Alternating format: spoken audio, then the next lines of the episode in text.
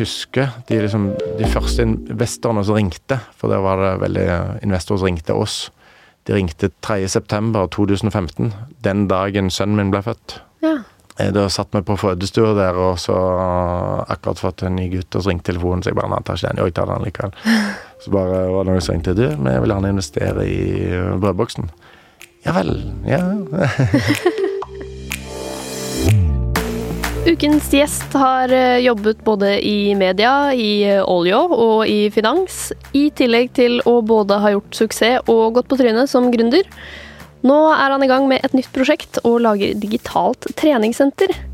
Velkommen til Voksenpoeng med meg, journalist Nora Rydne i E24. Og velkommen i studio, Arnulf Refsnes, medgründer og daglig leder i treningsplattformen Nordic. Takk for det.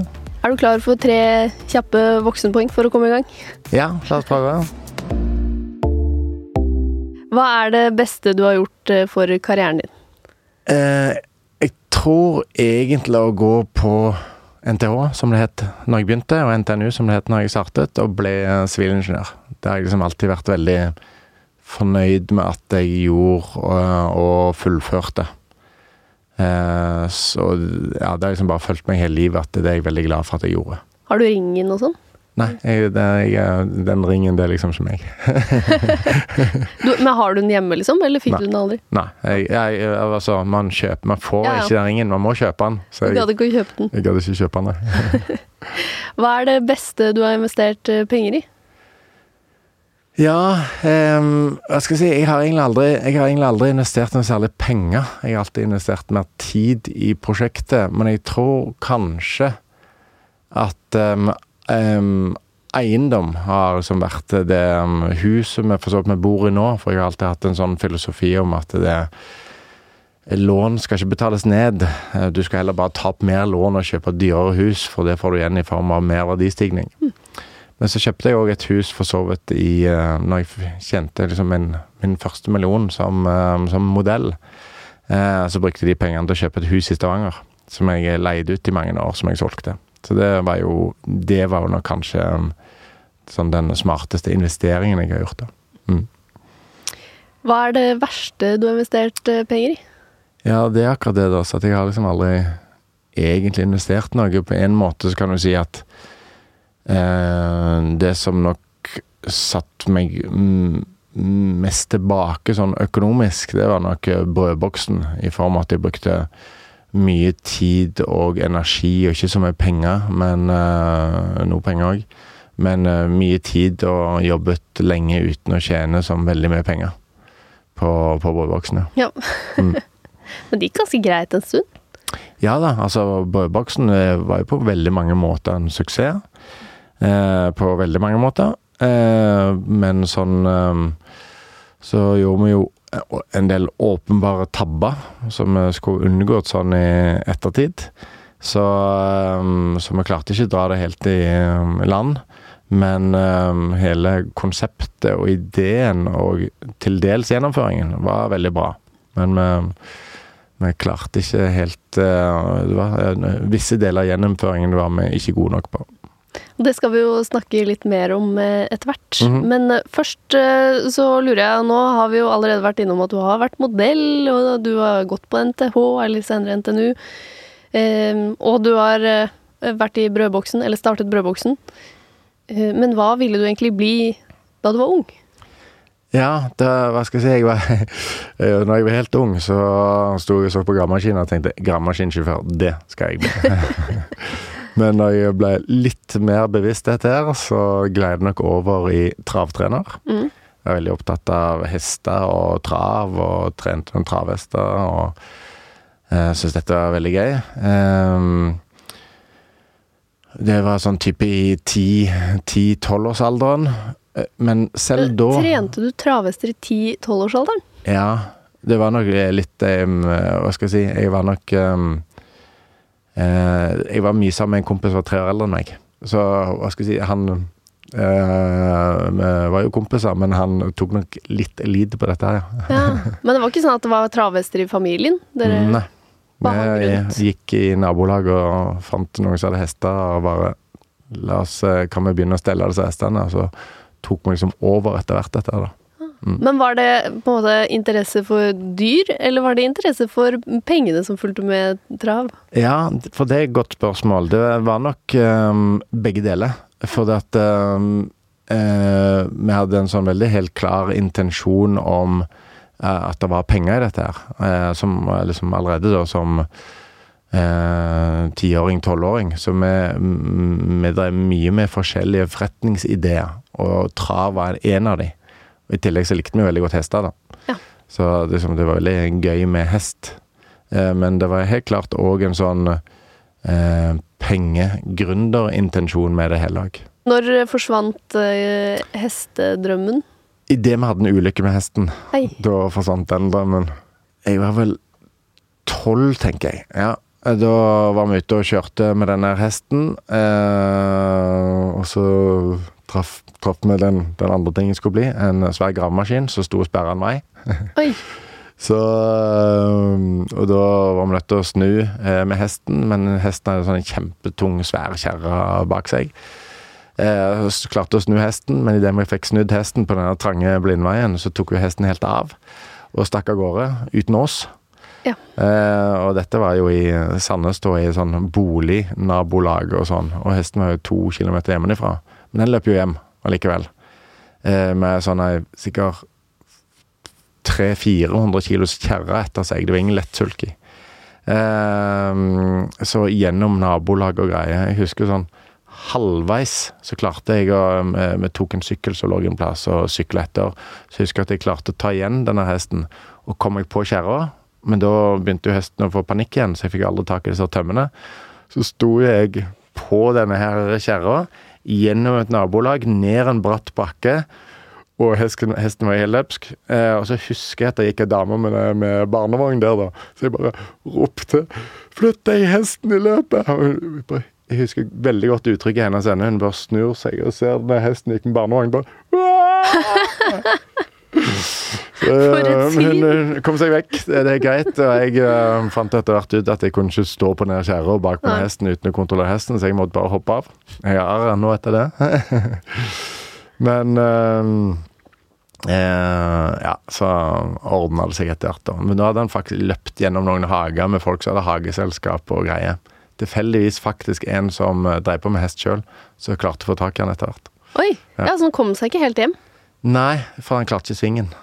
Det var en brå sving inn til der som han bodde. Han eh, med litt for stor fart ned den bakken, så han klarte ikke den svingen. Så både, men både du og hesten overlevde? Ja, alle, alle overlevde og og, hva skal jeg si, uten store skader. Men øh, eh, da fikk vi litt skrekken, og så ville eierne overta eh, som, eh, kjøring av hestene sjøl for litt en periode, og så forsvant litt. Og så begynte jeg vel òg da akkurat på ungdomsskolen, tenkte jeg. Så kom det litt andre interesser. Ja. Har du sittet i en sulky igjen etter det? Nei, det har jeg ikke. Du har ikke det? Nei. For det er jo veldig viktig, at man må, man må rett tilbake på hesten igjen. Ja, det er en veldig godt poeng. Det sier jeg alltid til barna. At jeg fortalte dem om, om riding og sånne ting. At i riding så praktiserer man veldig strengt. Faller du av hesten, så må du opp på hesten igjen. Yep. Og Det bruker vi som metafor ellers i livet òg, da. Ja, Opp på ja. hesten igjen. Ja. Men eh, nei, jeg har for så vidt ikke gjort det. Men jeg, eh, Ikke fordi jeg liksom hadde hatt skrekk for det, det var liksom ikke det. Men det var ja, det var litt på tide å få andre interesser òg.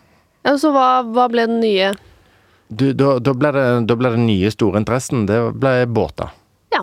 Ja, så da kjøpte vi jo forskjellige båter og solgte og holdt på.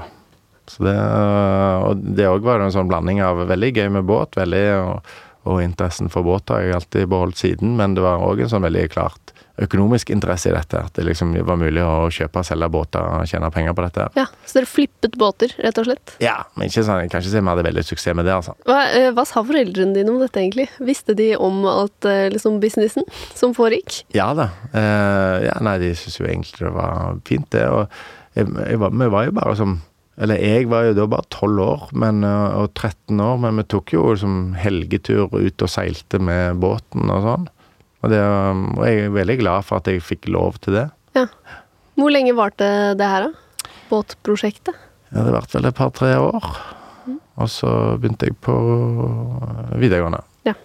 Og da Var det enda flere gründerprosjekter, eller? Ja da, det, det var alltid, alltid noen prosjekter på gang.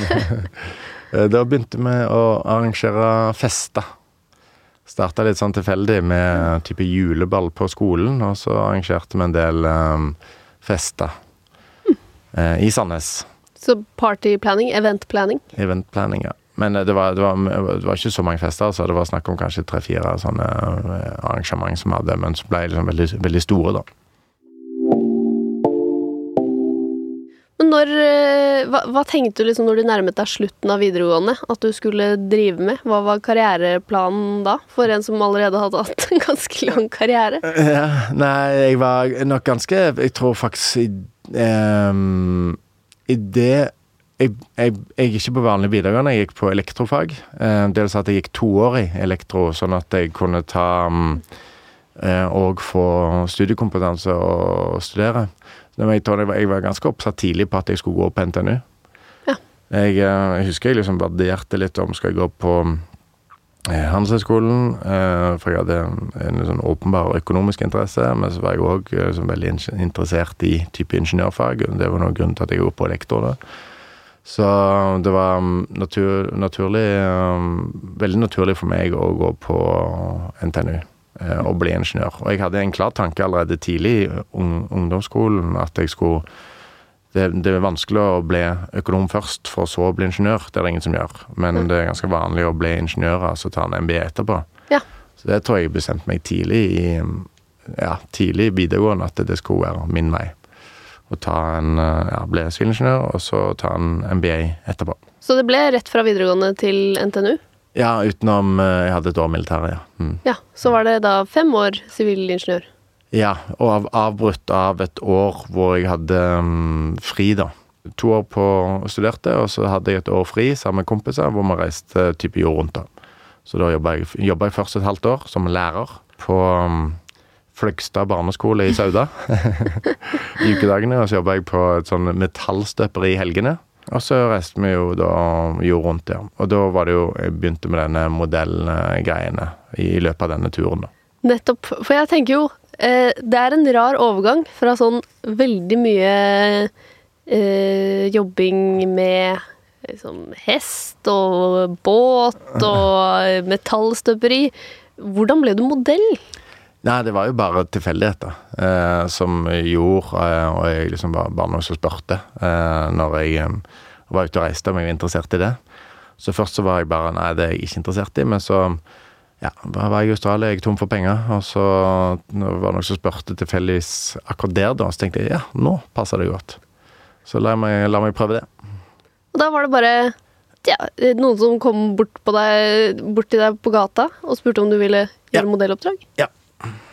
Og det eh, passet veldig godt, da. Så det, det, var fint. Og så ble det Det ble jo en ganske langvarig karriere. Du er jo en av Norges få supermodeller. Ja. Det, jeg skal faktisk gjøre modelljobb neste uke, jeg. Hæ? Ja, På Dressmann. så jeg, eh, jeg, har, jeg, har, stort sett hatt ti års pause fra det, mens jeg har gjort et par jobber i det siste, da. Hva, hva, skjedde? For jeg regner jo med at du hadde, du hadde litt planer, og du dro jo tilbake og begynte å studere. Men da fortsatte du, eller fortsatte på studiene, og da fortsatte du også modellkarrieren? Ja. Så da, da fortsatte jeg å jobbe som modell, um, og fortsatte studiene. Jeg husker det var jo Jeg vurderte det jo ganske jeg vurderte det en del, da, om jeg burde ta noen år fri fra studiene for å jobbe som modell. For mm. da var jeg liksom virkelig sånn hotshot, da. Eh, og så tenkte jeg at eh, Eh, nei, eh, sånn, det blir for mye å, å ha en toårs, uh, toårs pause fra studiene, eller treårs pause fra studiene, og liksom, hvem vet liksom, hvordan det da går. Mm. Og jobba ikke med noe som var spesielt relevant heller. Nei. Så, så um, jeg, jeg, tenkte det var best å komme tilbake. Men det kan godt være at jeg, jeg burde ha eh, hatt et år eller to ekstra fri. Eh, for å vedlikeholde den modellkarrieren fra Trondheim, det var ikke så veldig enkelt. Det var ikke, veldig, det var ikke like med videokonferanse da.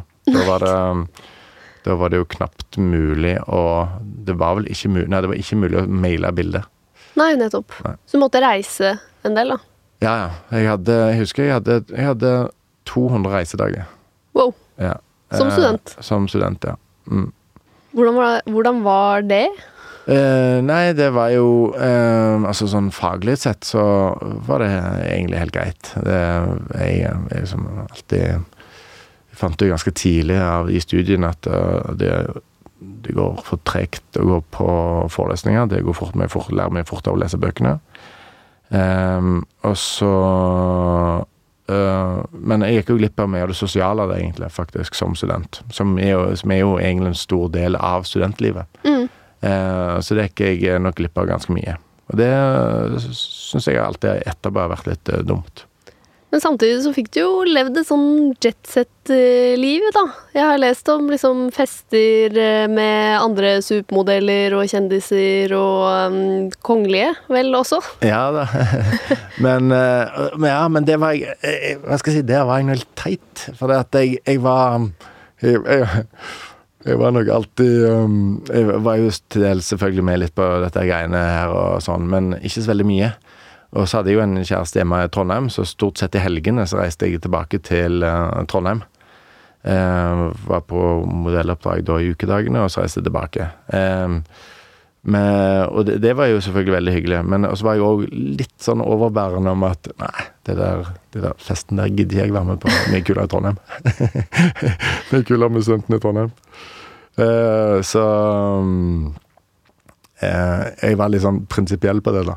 Ok, Du hevet deg litt over modellivet, egentlig? Hevde meg litt over disse modellfestene. Ja, Men hvorfor det? Var det kjedelig? Var det liksom ingen som ville snakke med deg om eh, gründerprosjekter og Nei, altså det, det, er jo litt sant, da. Altså, det, var, det var jo eh, altså, veldig mange hyggelige folk i modellbransjen. Eh, kjempemange hyggelige folk. Um, det, det, er jo kjent for at det være, skal være et sånn litt sånn hardt miljø og sånne ting. Det opplevde jeg i det hele tatt. Folk er jo så snille høflige. og Uh, og velmenende at det, det, var null problem. Men nei, det, er jo til dels litt andre interesser, da. Det er sant. Mm. Uh, for liksom, jeg har aldri, jeg har aldri vært noen sånn hard fester på noen måte. og det gikk det jo selvfølgelig ganske mye da. Ja. Og det går man jo litt lei av. Og hvis du først skulle egentlig være på den der harde festinga, så var det jo egentlig vel så gøy på kjelleren i Trondheim. Interessant. Men så holdt du da likevel på med det en stund, og det var, var, det pengene, da? Altså at du tjente mye penger på det? Ja, det var jo det. Det var jo Men så var det jo sånn at det var veldig, veldig lukrativt til å begynne med. Um, og så var det jo ikke like lukrativt etter hvert, eh, for da brukte, begynte jeg å bruke mer tid på det uten at jeg egentlig eh, tjente så mye penger på det.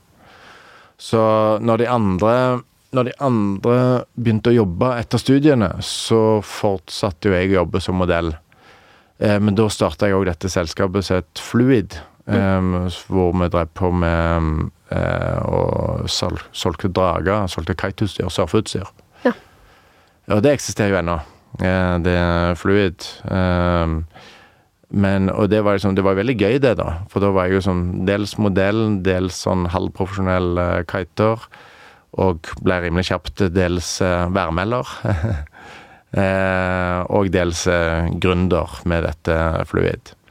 Så, og det var jo ting som passet veldig godt sammen med, med reisevirksomhet og, og sånn. Når vi, når vi meg og Kristoffer Donsen da gjorde værmeldingene, så passet vi alltid på å ha mye kiting i nærheten for, for, å promotere kiting og vår egen butikk og sånn. Så du kom deg da Men var det liksom bevisst at du tenkte nå må jeg finne liksom, Nå må jeg få et annet bein å stå på en modell? Eh, nei, det, det, var bare Det var litt sånn tilfeldig, for jeg skrev uh, flere oppgaver, masteroppgaver, uh, om kiting.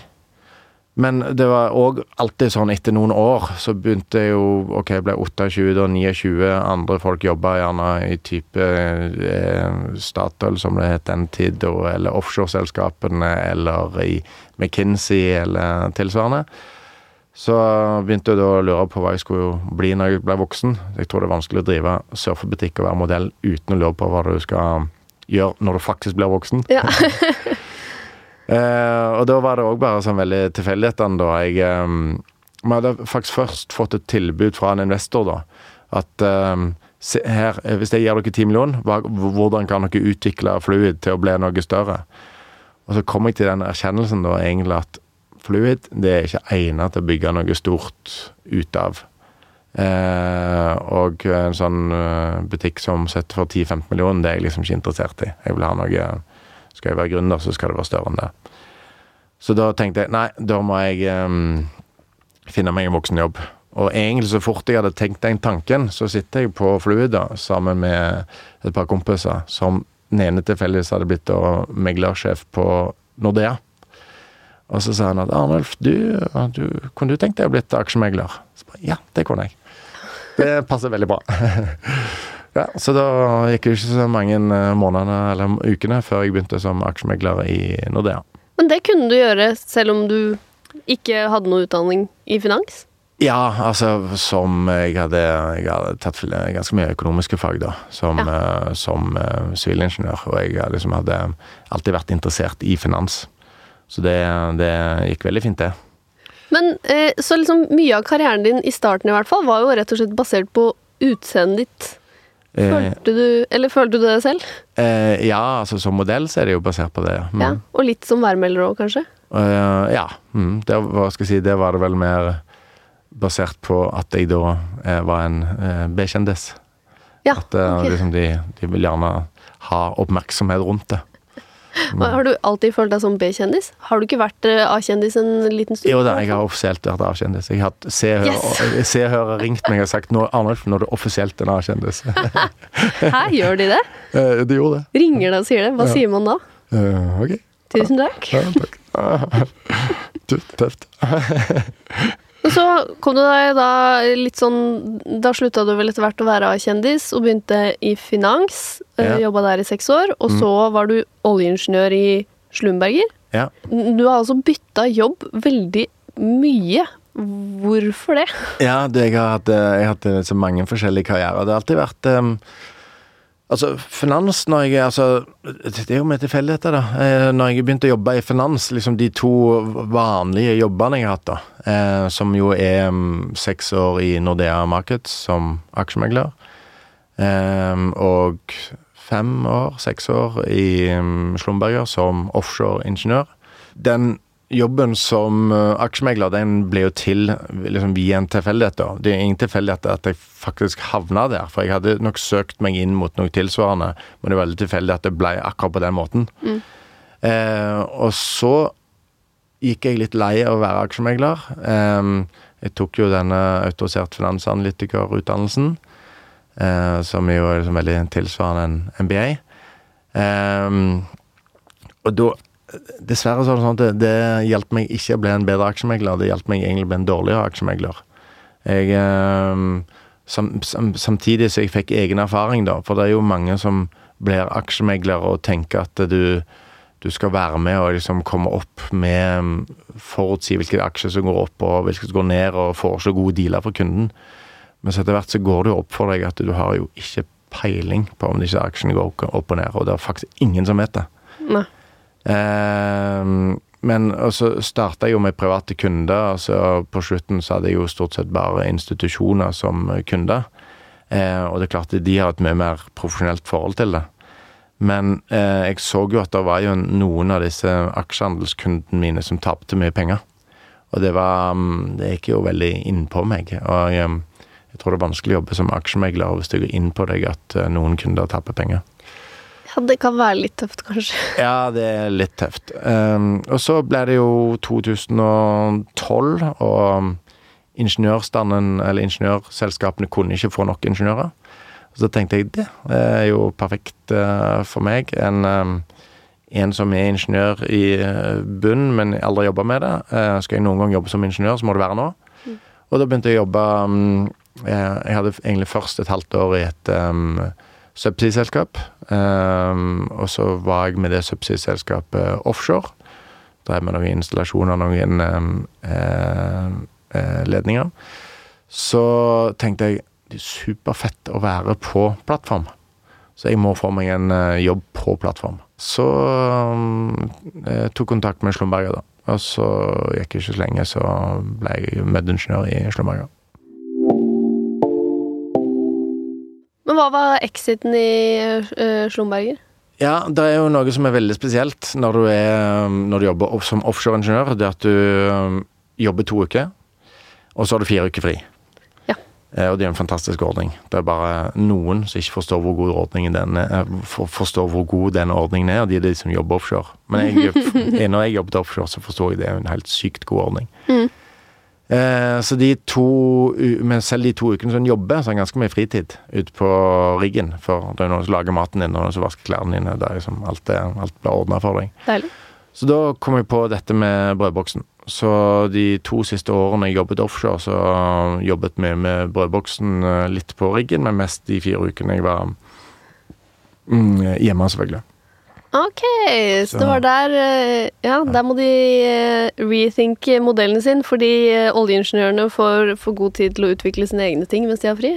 Ja, altså jeg tror omtrent alle som jobber på rigg, driver en bigeskjeft når de er hjemme. Hmm.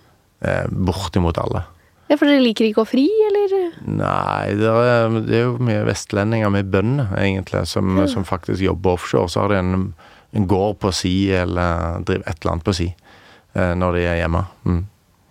Ikke verst. Og brødboksen, det var jo altså Kan du ikke bare fortelle kjapt hva eh, konseptet brødboksen var? Ja, brødboksen, hele konseptet der var jo eh, Det er noe feil med hele denne verdikjeden med ferske bak bakervarer. Ja, det er at eh, bakeren står opp på natten, baker ferske, flotte brød som kommer ut i butikken klokken seks om morgenen, og så ligger de bare der hele dagen. Eh, for at folk kjøper ikke brød før de eh, kommer hjem og gjør handleturen sin. Det gjør de stort sett på veien hjem fra arbeid. Så i fem-seks-tiden så handler de dette brødet tolv timer etter at det ble plassert i butikken. Eh, og så tar de med hjem. Spiser du med brød da til um, kvelds? Nei, stort sett ikke. Så ligger det på brødfjøla over natten, og så neste morgen spiser du dette brødet. Men da er det jo et nytt brød som er, som er kommet fra bakeren allerede. Han sto opp på natten, han er bakeren, for at du skulle få først brød om morgenen, men du spiser et, en dag gammelt brød. Så hele denne verdikjeden der er jo helt eh, Han er ikke sånn som han var ment å være. Det gir ingen mening lenger at bakeren må stå opp om natten. Så tenkte jeg hvis vi hadde ordna eller gjort om på denne verdikjeden, da, som at um, brød går direkte fra bakeren og hjem til deg, sånn at du kan få spise times gammelt brød istedenfor en døgn og noen timer gammelt eh, brød, så klarer du å skape mye mer verdi i det brødet. Og så var jo òg tanken veldig tidlig at eh, og når vi først leverer brød hjem til folk, så kan vi òg levere andre ting som de skal spise til frokost.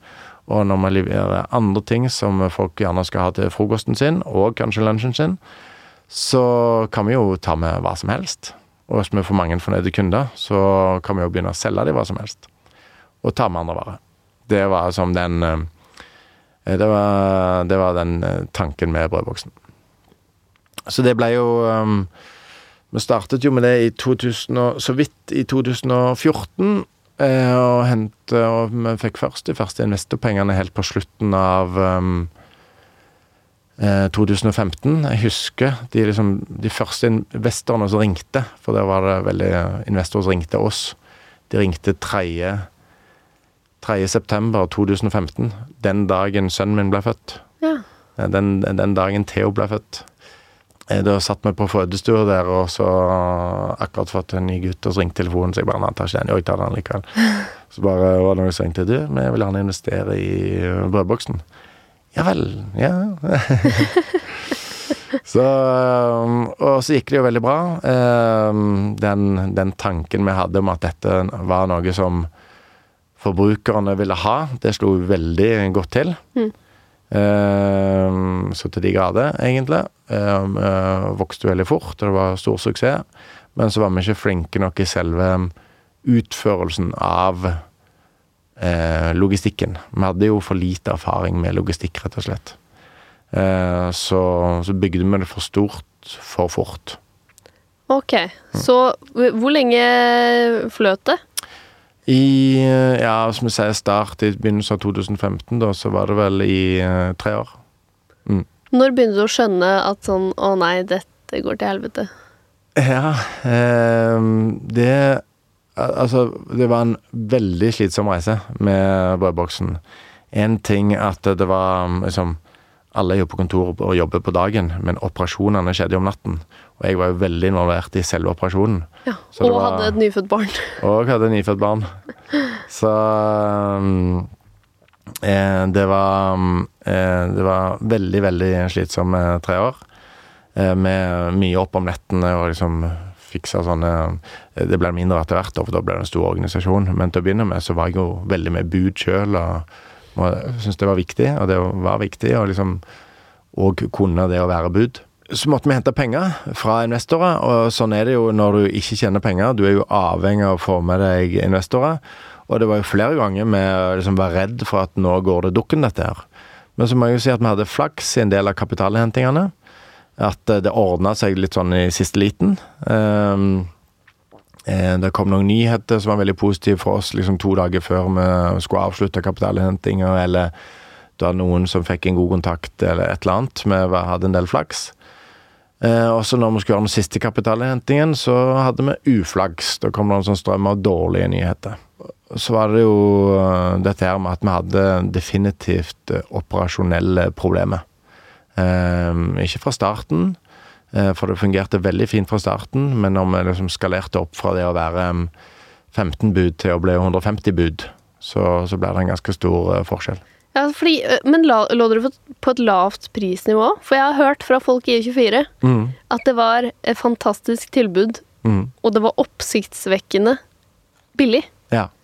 Ja, og det er helt riktig. Uh, du, du, ser, vi var jo i konkurranse med morgenlevering. Uh, vi startet jo opp omtrent helt samtidig ja. med de. Morgenlevering er Schibsted? Det er Schibsted, ja. ja. Mm. Uh, det var jo for så vidt morsomt, for det, de, de, tok kontakt med oss og spurte skal vi ikke slå oss sammen. og vi bare shit, Schibsted og sånne ting, og tenkte at um, før jeg gikk i møte Uh, så tenkte jeg at de vanskelig å konkurrere med de, og så var jeg i møte. Og så kom jeg ut i fyr og flamme og sa at de klarer vi å konkurrere med. Nå var det jo for så vidt sånn da at det var Vi var jo veldig mye større, og vi hadde vel i de områdene vi faktisk leverte ut, så var det vel sånn 100 til 1, så det var nok vi som dikterte prisen. Det er veldig vanskelig å et, selge inn et konsept som er nytt, med mindre du eh, har noen sånn åpenbare fordeler. Og det var veldig lett å selge det inn til nye kunder når du sa at og prisen er den samme som i butikken. Og så visste jeg, og alle, alle, i brødboksen visste at det er ikke noe vi kommer til å beholde de lave prisene. Eh, det, er et, det, er mulig å ta et betydelig høyere pris, for vi leverer et mye bedre produkt enn det du kjøper i butikken, bare pga. at du er ferskere. Så jo da, eh, og det kan godt være at vi tidligere skulle tatt eh, høyere priser. Men det, det, var jo mye greier med det, da. Og vi eksperimenterte mye med det òg. Og sette opp prisene i visse regioner. og ha um, satt opp prisen 10% i en region og sjekka hva som skjedde. Satt prisen opp i 20% i en region og sjekket hva som skjedde. Og um, salget gikk jo betydelig ned. Så i den grad at brødboksen som standalone prosjekt skulle være lønnsomt, så um, hadde det vært lurt å sette opp prisene. I den grad vi egentlig drev og bygge et eh, logistikknettverk, så var det fornuftig å ha de lavprisene en periode til. Men sånn i retrospekt da, så skulle vi nok ha satt opp prisene eh, tidligere, eh, i og med at vi faktisk ikke overlevde. Og så ble det jo da oppkjøp av konkursboet, og det ble masse bråk, og det var vel Skipsted som kjøpte det opp òg? Ja, Skipsted mållevering, ja. Mm, kjøpte, kjøpte det. Og kjøpte smulene. Kjøpte smulene. Hvordan føles det liksom å være eh, gründeren som har hatt denne geniale ideen eh, på oljeplattformen, og slutta i eh, trygg offshorejobb, der du sikkert tjente greit òg, og så går det til helvete? Nei, eh, eh, det eh, Hva skal jeg si? Jeg, jeg bryr meg ingenting om sånn min, min, egen situasjon. Jeg finnes ikke noe bitter for det. Jeg, jeg er egentlig mest stolt av det som vi fikk til og klarte å bygge opp, og at ideen var god, og at vi klarte å verifisere ideen. Og så er jeg jo litt flau og litt syns det er dumt at vi ikke klarte å gjennomføre det, selvfølgelig. Men um, all ære til morgenlevering, som jo har klart å fortsette og fått det til. Og jeg skulle jo så til de grader ønske selvfølgelig at vi klarte å komme over kneiken med brødboksen, for det hadde jo vært et fantastisk selskap uh, nå. Det um, ja, det, den, den, den, vi fikk jo, Jeg føler vi fikk jo veldig rett i det vi trodde kom til å skje med logistikk og hjemlevering. Eh, så eh, vi, vi, var definitivt på eh, riktig vei. Mm. men jeg klarte ikke helt å, å gjennomføre det. Har du tenkt på at du kanskje kunne startet en sånn støttegruppe for gründere som ble utkonkurrert, sammen med mm, Ole Robert Reitan f.eks., som ikke fikk til natthandel? Ja. Eh. Nei, jeg har for så vidt ikke tenkt på det. Um, Dere kan holde hverandre i hendene og snakke om hvor irriterende de som har fått det til, er. Og ja, snakke ut. Nei, det, jeg um, Hva skal jeg si, jeg har aldri vært så Jeg har aldri egentlig aldri vært typen som ser meg sånn veldig mye tilbake og blir uh, litt uh, sur og må prate om det og sånn. Jeg, uh, da får man gå videre. Og nye prosjekter. Og det har du jo gjort. Og det har vi gjort, ja. Det har aldri vært mangel på prosjekter i ditt liv, har jeg inntrykk av.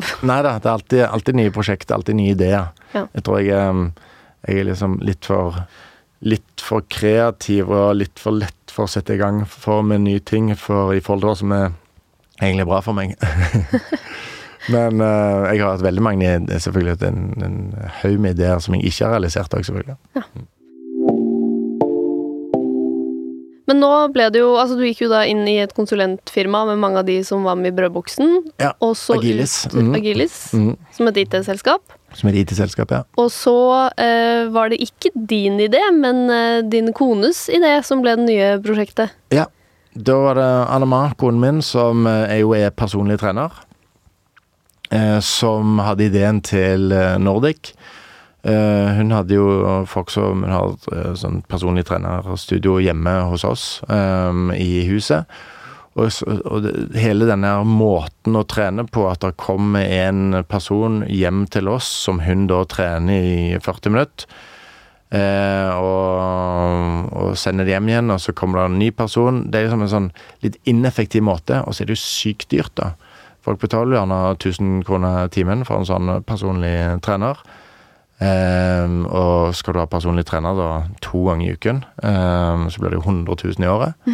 Eh, det blir mye penger av det, det er ikke mange som har råd til det. Så hele tanken spant rundt dette her, at det er ikke mulig å tilby timer til folk med god tilbakemelding på hvordan de trener, uten at de må betale 100 000 i året for det. Og da var den ideen til Nordic født. Og jeg som da kommer fra Agilis og IT-utvikling, vi var jo en sånn perfekt eh, partner for um, eh, Anna-Mara, konen min, sine ideer. Som, så slo vi oss fort sammen med um, Yngvar Andersen og Ole Petter Gjelle, som jo liksom eh, respekterte folk innen trening og så laget med Nordic. Mm. Hvordan er det å jobbe på gründerprosjekt med kona si? Ja, du, det var jeg veldig skeptisk til. Ja. ja veldig kjempeskeptisk. Jeg tror hun var veldig skeptisk til jobben med en gang.